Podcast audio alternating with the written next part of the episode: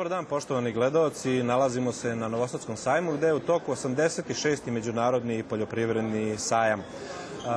Današnja emisija Povratak na selo nije onaka kakvi ste navikli da je gledate. U ovim emisijama pozivamo ljude koje smo snimali tokom našeg serijala kako bi se prisjetili delom njihovih priča, podsjetili toga i saznali šta ima novo u njihovim životima. Danas sa mnom u studiju su, ajde da krenemo ovako redom sa moje desne strane, strane Milenko Jovanović iz Laćarka, Dobar dan. a, Bojka Plavšić iz Mokrina i na kraju Predrag Marčetić iz Kačareva. Dobar dan i dobrodošli u naš studio na Novosadskom sajmu. Bolje vas našli. Dobar dan.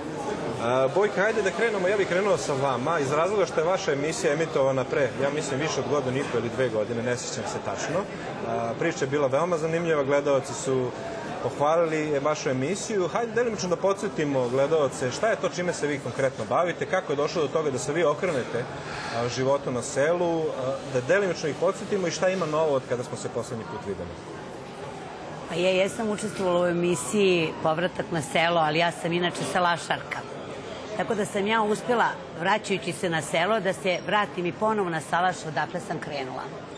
I zato bi molila da sledeća emisija bude povratak na salaše, jer sam videla da oko Sente, ja sam blizu Sente iz Mokrina, ali da oko Sente i dalje žive salaši. Mogu vam reći da su jako lepi i da imaju stoke i da im malo samo treba podrške. Možda da iz pokrine malo pođemo zajedno, da vidimo ja tamo idem po mleko, jer imam mlekaru u sklopu svoje farme, ja imam i mlekaru, gde otkupljujem mleko sa salaševa, gde više ne dolaze velike mlekare.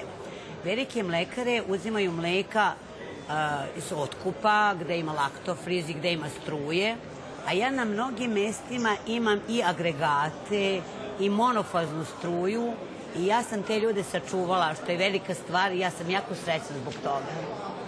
To je toliko za salaše. A e, kad se ljudi vrate u selo i kad budu imali koku i jaje i kad budu imali paradajz i papriku i kad budu imali mlad krompir iz bašte, onda će znati šta je selo. Ja sam više nego iz sela, mislim, ja sam naučila bez struje, bez vode, bez svega, da sam tako napredovala da sad imam svoju farmu gde imam izmuzište. A to mi je velika stvar. Kad nemate ko da vam pomuze 40 do 50 krava i kad znate da morate sami da pomuzete, onda je to daleko lakše nego da muzete ručno. Svakako. O, hajde da kažemo, pošto se nismo dugo videli, delom ste o, ispričali, imao sam prilike da budem na nekoliko salaša, zaista predivan život, meni se to jako svidelo. Svoji bunari, svoja voda, ljudi čisto nemaju struje, stavili su one sunčane panele, tako proizvode struje, stavili su one LED diode, rekao ljudi stvarno svaka vam čast, kažu da svi jako uživaju u tom načinu života. Kakvi su vam neki dalji planovi, ajde da kažemo, šta je to, gde planirate dalje, da, da li planirate neko proširenje ili planirate da ostanete tu gde ste, koliko se porodica uključuje u vaš posao, deca, uh, unuci već i tako dalje? A evo, došla sam i ja da čujem šta dalje treba raditi ovde. Nije samo da vi mene snimate, nego da ja snimim i ostale. Ja imam mlekaru registrovano za 25.000 litra mleka. Verovali ne, ne znam da li zbog kosu ili zbog čega, mi sir više ne možemo da prodamo. Mi u velike sisteme ne možemo više da ući, jer kad pišemo mail, odgovorit će nam. Mleko moramo platiti, seljaka moramo očuvati. Moj plan je smanjiti, ali ne tako brzo, nego razgovarati sa ljudima, videti šta oni planiraju, a oni su me poslali da ja vidim šta dalje oni da rade i da mi to prevedemo na mlekare u domaćinstvu. Kao sad što kolege treba nešto da kažu u vezi svinja, ja uz to da bude zloveće imam i svinje i ovce. I kad sve to ja saberem, ja moram da vidim računicu u koji pravac da krenem. A sad sam negde na raskršću i ne znam gde bi krenula. Znači, ovde treba da vidimo kako ćemo dalje i da zamolimo da zamolimo ljude iz pokrine, da pođemo putem salaša i sela, da vratimo mlade, da ih malo sačuvamo. Još ima snage, još ima kapaciteta, još ima zemlje, ima stoke, da ne prodamo više do zadnjeg kraja, da ostanemo pa da posle tražimo. Treba samo volje, je li tako? Pa kod mene volja, nažalost, ne vredi samo što i kod mene volja. Treba da, Da. bude i kod ostalih volja. Naravno, Moje deca su uključena, moji unučići vakumiraju sir, moji unučići, ovaj, a, unuk e, je sa mnom na farmi. Mi smo prasi neki dan krmače, sve to, ali kad izračunamo da je skuplja hrana nego što ćemo proizvesti, ne smemo da idemo u veći rizik. Lepo, vratit ćemo se na priču o unucima kasnije. Predrži, hajde da kažem da se podsjetimo gledalce delimično vaše priče. Vaša emisija je emitovana negde jesenas, mislim septembar mesec prošle godine. A, vi ste se bavili zlatarstvom, to je meni bilo jako zanimljivo i kada sam odlučio da dođemo da snimamo kod vas, pa ste se okrenuli uzgoju svinja. Hajde da podsjetimo gledalce gde ste živjeli, šta ste radili i kako je došlo uopšte do odluke da se okrenete selu. Evo ukratko, ja sam zanat učio u Beogradu, poslom bio u Pančevu, 18 godina kao zlatar, da bi na kraju završio u Kačarevu kao farmer, proizvođač svinja. To je ovako najkraće što mogu reći put mog posla. A ovaj, opredelio sam se za o, Kačarevo i svinjarstvo iz prostog razloga što sam video neku šansu zadržati decu prvenstveno u Srbiji tako što ću napraviti neki posao koji će moći da im obezbedi neku lepšu budućnost nego što je možda trenutno sada. Ne mogu da se poželim da kažem da je izlatarstvo bilo loše, bilo je dobro. Ja sam između ostalog iz zlatarstva sve to steko što sad imam. Nego ovaj, trenutna situacija kod nas u svinjarstvu nije bajna. Naprotiv, u zadnjih deset godina najgore, najgori mogući scenarij se dešavao prošle godine. Znači, ne verujem da je jedan od kolega bio ne, na nuli, a da ne kažem u nekoj zaradi. Mislim da bi tu trebala malo država da, da obrati pažnje da, da izađe u susret svima nama, ne, ne da bi nam poklonili nešto, nego samo da naš rad prepoznaju kao nešto što je korisno u, ovom, ovoj, u ovoj zemlji i da nas nagrade tim da ostvarimo tu zaradu. Ne tražimo mi mnogo, mi tražimo samo da nam se plati ono zašto smo izdvojili svoje, svoju snagu i svoje vreme. Između ostalog i ja sam uključio moju porodicu kao i koleginica. Moja dva starija sina, pošto imam tri sina, ovaj najmlađi je baš mali pa nije baš u mogućnosti da uđe u, u posao. Svi smo mi nekako uključeni u, u proizvodnju, znači to je faktički porodični biznis. Čak i najstariji sin mi je student veterine u Beogradu. E, planiramo da ostanemo tu, planiramo da, da se širimo, ali trenutno, trenutno ne znamo kako ćemo sve to izvesti. Trenutno je jako teško. E, kada smo bili kod vas, da. imali smo prilike da vidimo i nekoliko konja, ne nekoliko, već desetak, možda i više. To je vaša pre svega iz ljubavi držite te konje, da li i dalje to je ovaj, Da li, i dalje i držite, da li se proširujete, vi ste rekli da svaka koja se oždrbi, vi zadržite to ždrebe. Trenutno, sad da ga prodate. Trenutno imam osam konja, čekam pet novih ždrebadi. Naravno, neću prodavati kad ne bude mogao ovaj, više, kad ne bude mogao proširivati konje, neću ni kobile pripuštati, ali eto, to je ta neka ljubav prema konjima možda zato što i naše poreklo, moje lično poreklo je iz tih brodovitih krajeva, iz Bosne su moji inače rodom. Tako da malo zavičaje u svom banatskom selu svom dvorištu. Da. Dobro. Milenko, vaša emisija je relativno skoro emitovana, pre samo par nedelja. Da, nedelja. Ajde da kažemo, da, možda neko nije imao priliku da pogleda, pa da podsjetimo gledalce na vašu priču. Studirali ste u Moskvi, tamo ste završili studije i postdiplomski, ako se ne varam, ako sam dobro zapamtio.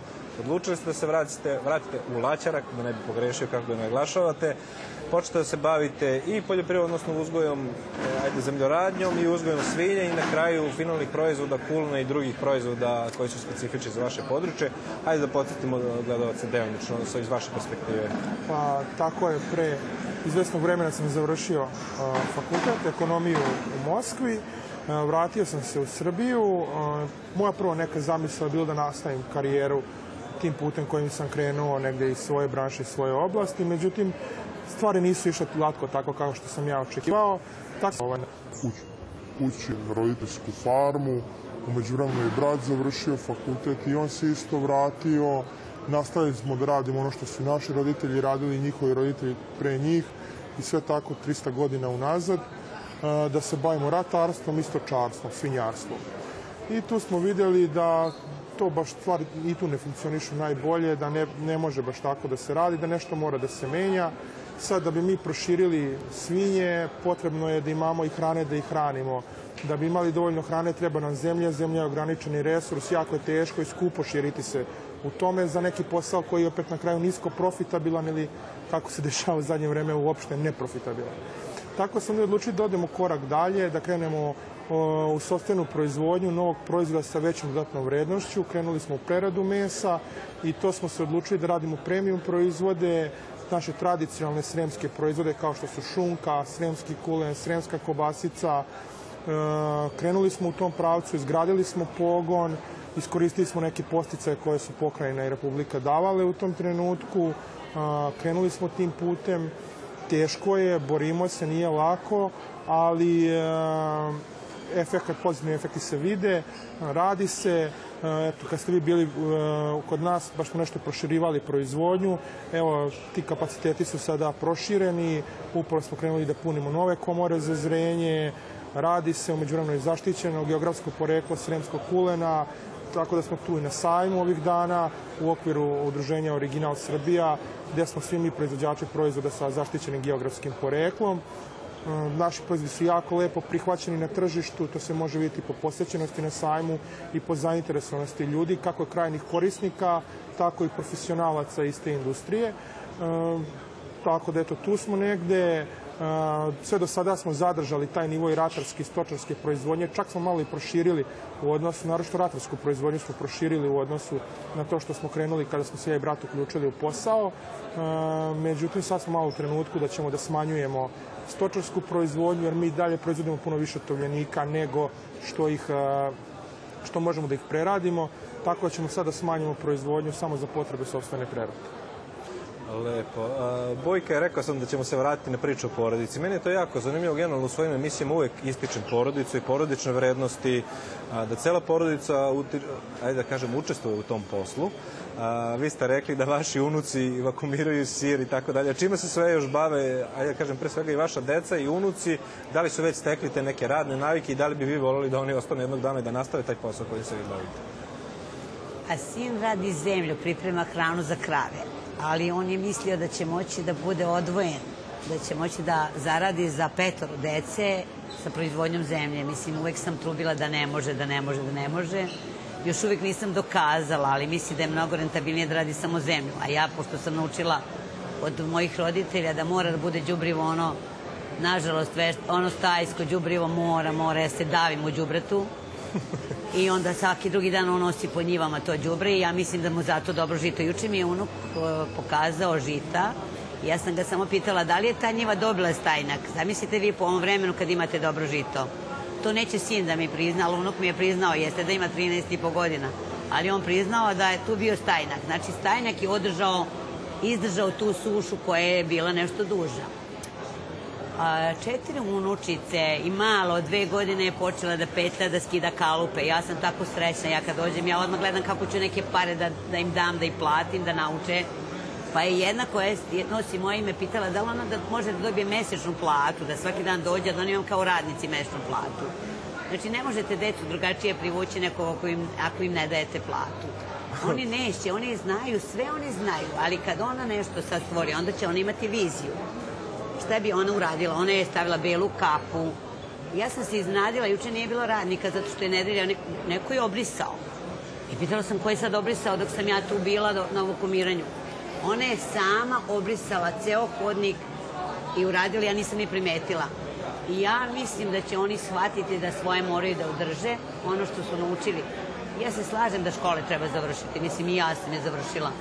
Ali na današnje vreme treba sačuvati svoje a sve ono drugo raditi, a ipak se vratiti kao ja na svoj salaš i uživam makar nedeljom odem na svoj salaš gde su mi ovčice i po koje kravice tamo na paši da bi se da bi ostalo ime. Ja se nadam da će neko doći i da će to naše zaštititi, da mi nećemo morati da idemo u Beograd da zaštićujemo naš proizvod, da tražimo tu dodatnu vrednost, nego da će sami kupci Meni se sinoć pojavio kupac iz Beograda da kupi moj sir za pice i sendviče. Nećete verovati, u 11 sati. Nije stigao ranije, sir mu je bio spakovan, spreman, on je došao i odneo moj sir. Zamislite vi to da jedna salašarka proda 200 kg uveče sira, dočeka tog novog kupca. I to je velika stvar za mene. Sjajno. Predraže, a vi ste pomenuli malo čas, imate tri sina, ja se sećam kada sam bio tamo, zaista jako fina deca. Ja sam ih pitao koliko vam pomažu u poslu, da li vole da vam pomažu, oni su rekli da, kad god smo mogli, šta smo mogli, mi smo ocu pomogli, dok ste zidali, dok ste tamo radili. Koliko su sad oni najstariji studira, je, mali još mali, ajde da kažem, koliko oni imaju vremena i da li imaju volje, da li ih interesuje uopšte da vam pomogu? Pa, svakako da ih interesuje. Najstariji sin je u Beogradu od ponedjeljka do petka, vikend kad je kući, obavezno je sa mnom na farmi. To što se tiče njihove pomoći, to je mahom fizički deo, da li je utovar, istovar hrane, da li je, kad dođe vreme prodaje stoke, utovar svinja, istovar prasića, čak što više sad idemo, planiramo odabir stoke, zajednički radimo, ulazimo u posao, da li je to kad obiđemo njive zajedno, jednostavno su uključeni u celu tu proizvodnju.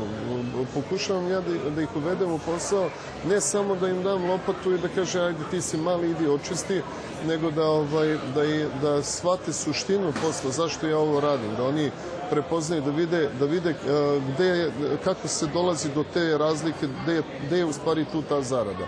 Znači, oni su mi apsolutno podrška i i u, u smislu da su mi vetar u leđa.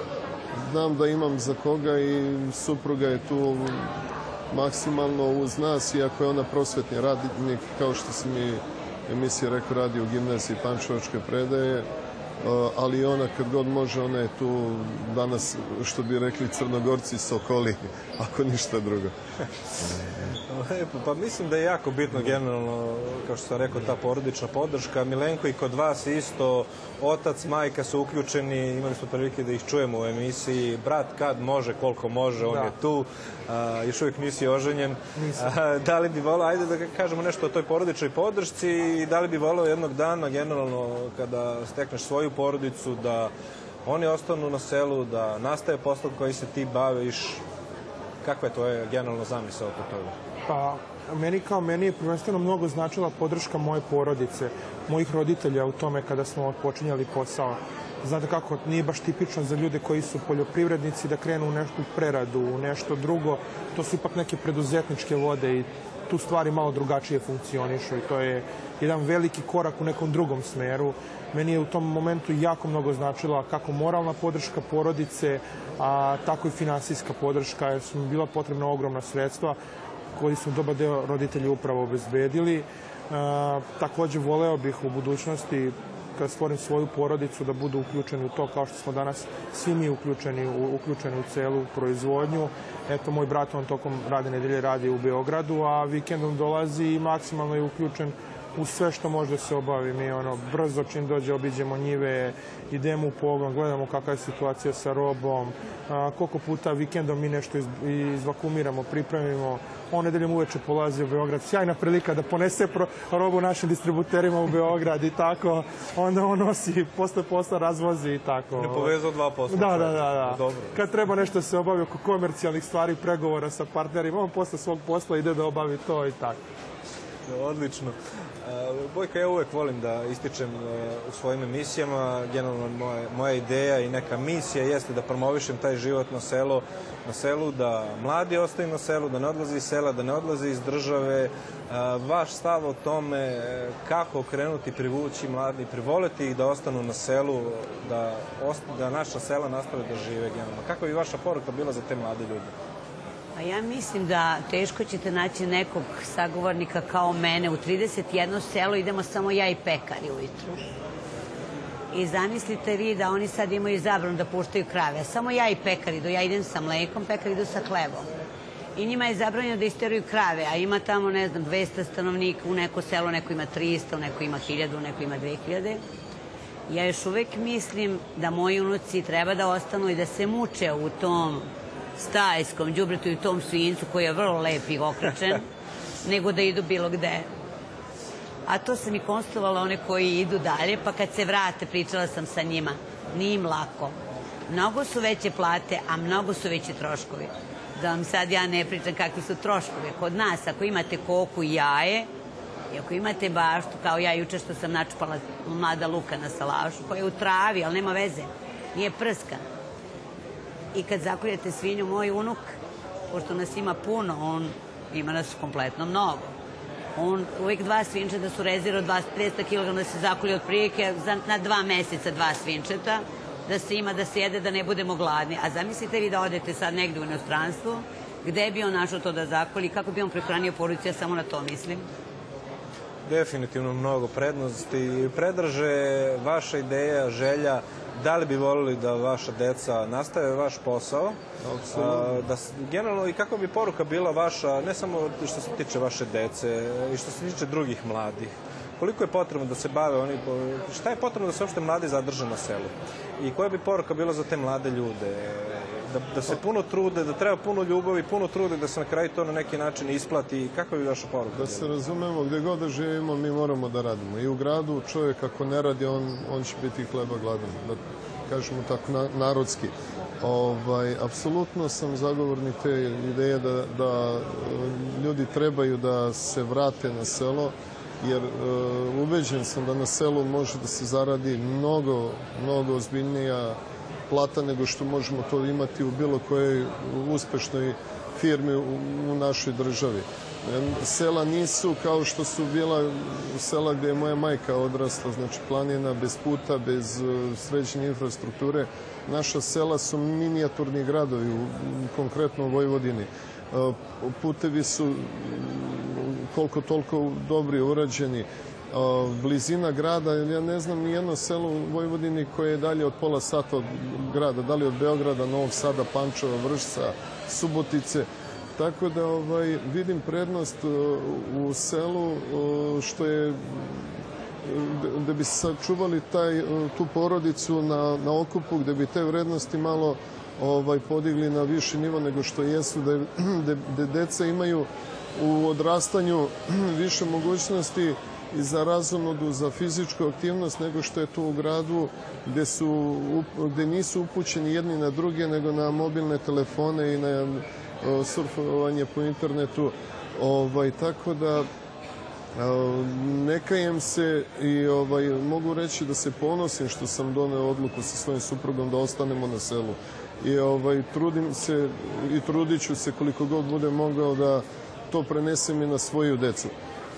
Mada ovaj, žalosno je to kad pogledamo da godišnje iz jedne države ode 70, naše države ode 70.000 ljudi u inostranstvo. Znači ode jedan, jedan moj grad, Pančevo, ode jedan ceo grad, ode, u, ode preko granice, pa šta onda da kažemo za sela? Kako zadržati ljude na selu kad nam odlaze i iz gradova ljudi napuštaju sela? Mislim da bi, da bi uh, vlada, uh, da bi država trebala da da napravi jedan ozbiljan program gde bi, e, gde bi pomogle da, da ostanemo i da se vratimo na selo. Sjajno, Milenko, kratko, jako, približili smo se kraju naše emisije. Vaša poruka za mlade ljude, istrajnost, ljubav prema poslu, kako da opstanu na selu? kao što si rekao, bitna je istrajnost i ljubav prema poslu, ljubav prema mestu gde živite, ali naravno bitno je da imate od čega da živite. Mladima bih preporučio da iskoriste tu svoju mladost, da iskoriste to kako bi unapredili svoju proizvodnju, kako bi napravili neke promene na farmi, na svom gazdinstvu i da se udružuju. Gde god mogu to, da nastupaju zajedno, da budu udruženi i ujedinjeni. Sjajno. Hvala vam puno na gostovanju, želim vam puno uspeha u daljem radu. Drago mi je da smo se ponovo videli evo, ovom prilikom. Nadam se da su vaše priče inspiracija za naše gledalce i za one koje razmišljaju da se vrate na selo ili da ostanu na selu. A vama, dragi gledalci, želimo prijatan ostatak dana. Ostanite uz program Radio Televizije Vojvodine.